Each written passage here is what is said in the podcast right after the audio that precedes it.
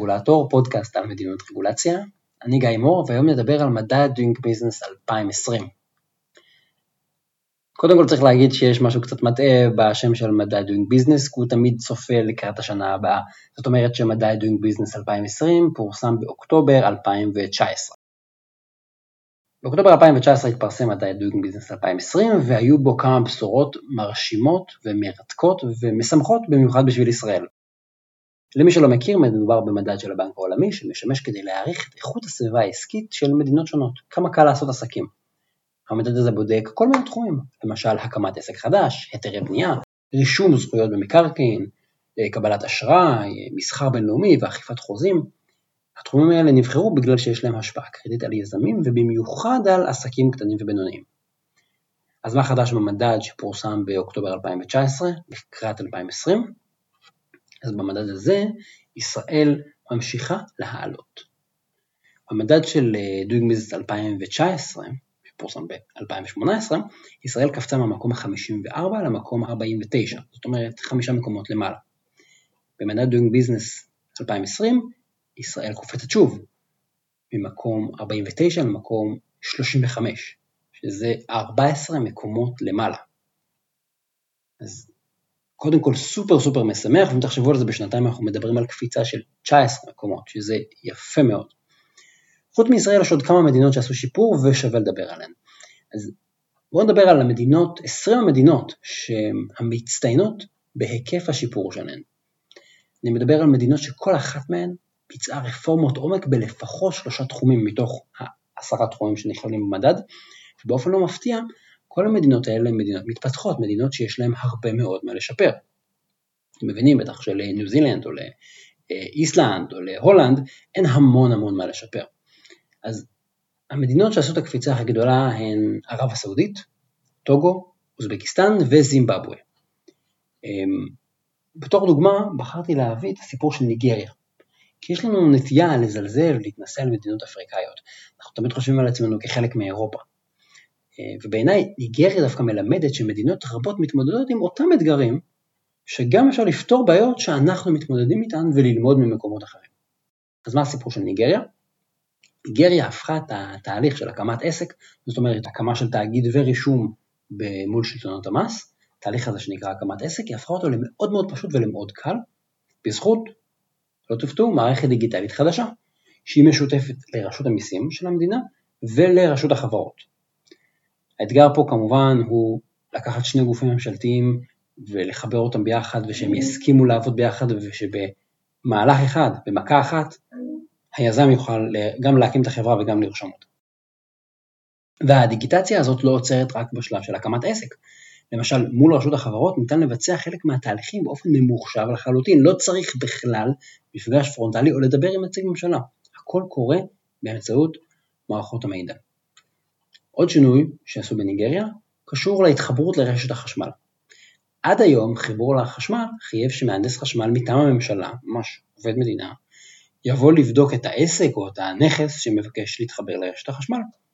אז ניגריה ביצעה שיפור במערך הפיקוח והרישוי ובעצם הקימה מערך הסמכה למהנדסי חשמל.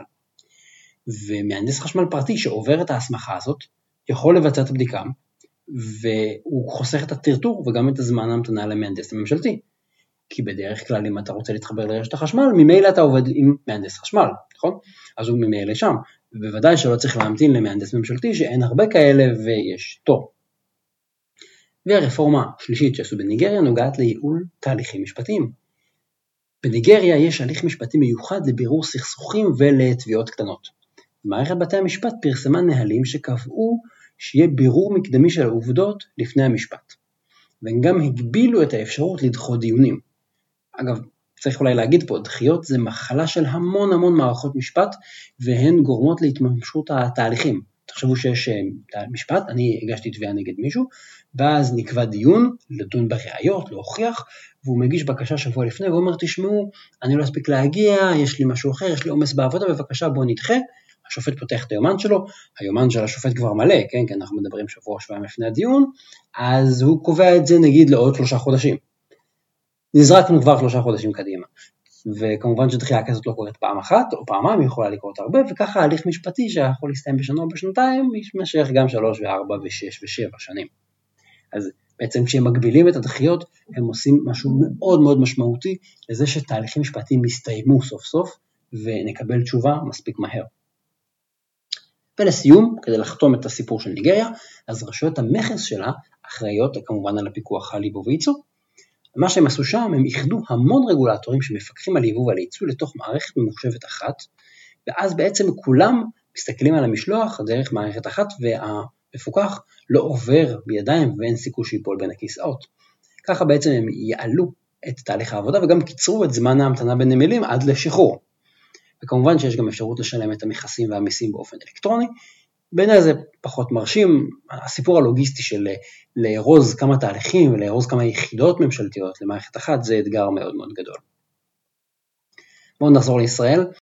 ישראל קפצה, אתם יכולים להתרגל לזה, ישראל נמצאת במקום ה-35 במדד קלות עשיית עסקים, ובתוך שנתיים עלינו בכמעט 20 מקומות, עקפנו אגב את שווייץ, את הולנד ואת פורטוגל.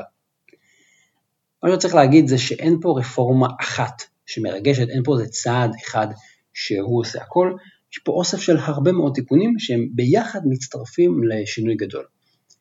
אמ, בואו ניקח כמה דוגמאות, למשל רשות המיסים הקלה את התהליך של רישום עסק באמצעות מערכת דיגיטלית שמאחדת את התהליך של בעל העסק מול מע"מ ומול מס הכנסה, עד היום היה צריך לבצע שני תהליכים, אז ארזו את זה ביחד, ובנוסף יש שיפור במדד של תשלום מיסים כי יותר קל להגיש דיווחים ולשלם מיסים.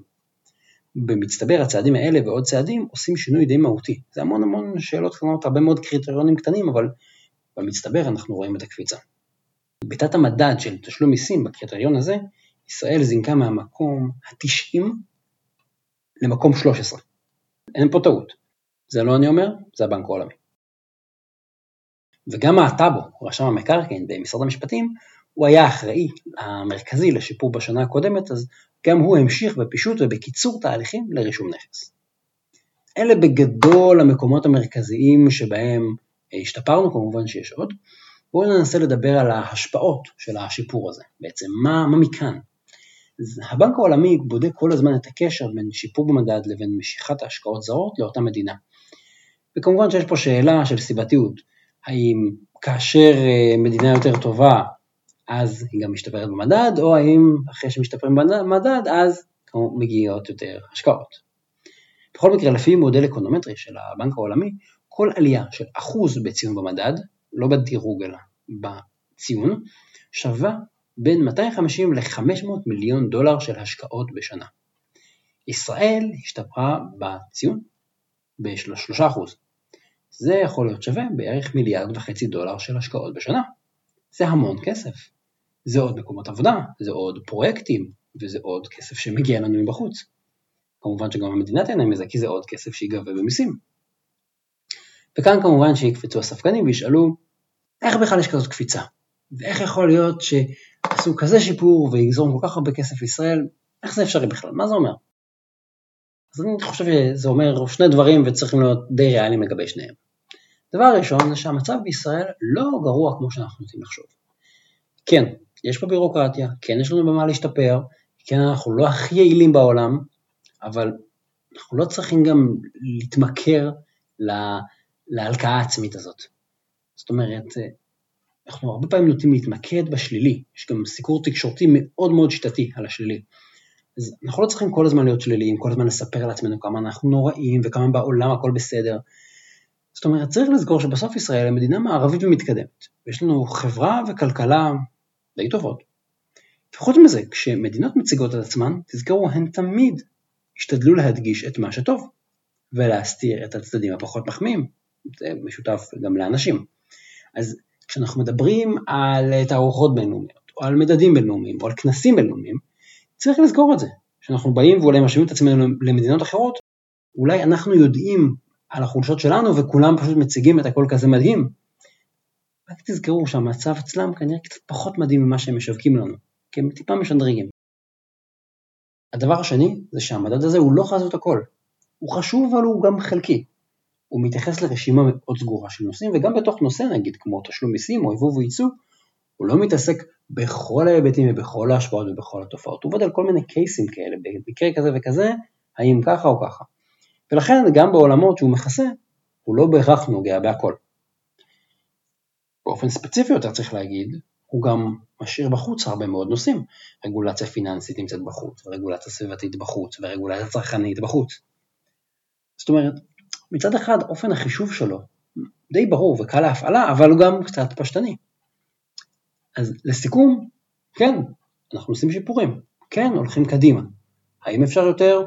אני בטוח שכן. האם אנחנו צריכים יותר? אני משוכנע שכן. אבל עדיין, צריך להגיד כל הכבוד לכל מי שעובד קשה כדי לחולל את השינוי הזה, בלי קשר לציון במדד כזה או אחר, מי שמשפר את החיים שלנו כאן בפועל. אז נכון, זה לא אומר שהכל מושלם, אבל זה אומר שיש פה מאמץ ושאנחנו בכיוון הנכון, ושאחרי צניחה, כמה שנים של צניחה במדד, פתאום התעוררנו, לקחנו אחריות, שינסנו מותניים ואנחנו עושים רפורמות כדי להשתפר. חמש מקומות עלייה בשנה שעברה, 14 מקומות עלייה במדד הזה של Doing Business 2020, יש לנו עוד מה לעשות, יש לנו עוד מה להשתפר, אבל אנחנו עובדים על זה ואנחנו בכיוון הנכון. תודה רבה ליעל פולק גליק, שכתבה יחד איתי את הפוסט. התכנים כמובן משקפים את דעותיי בלבד.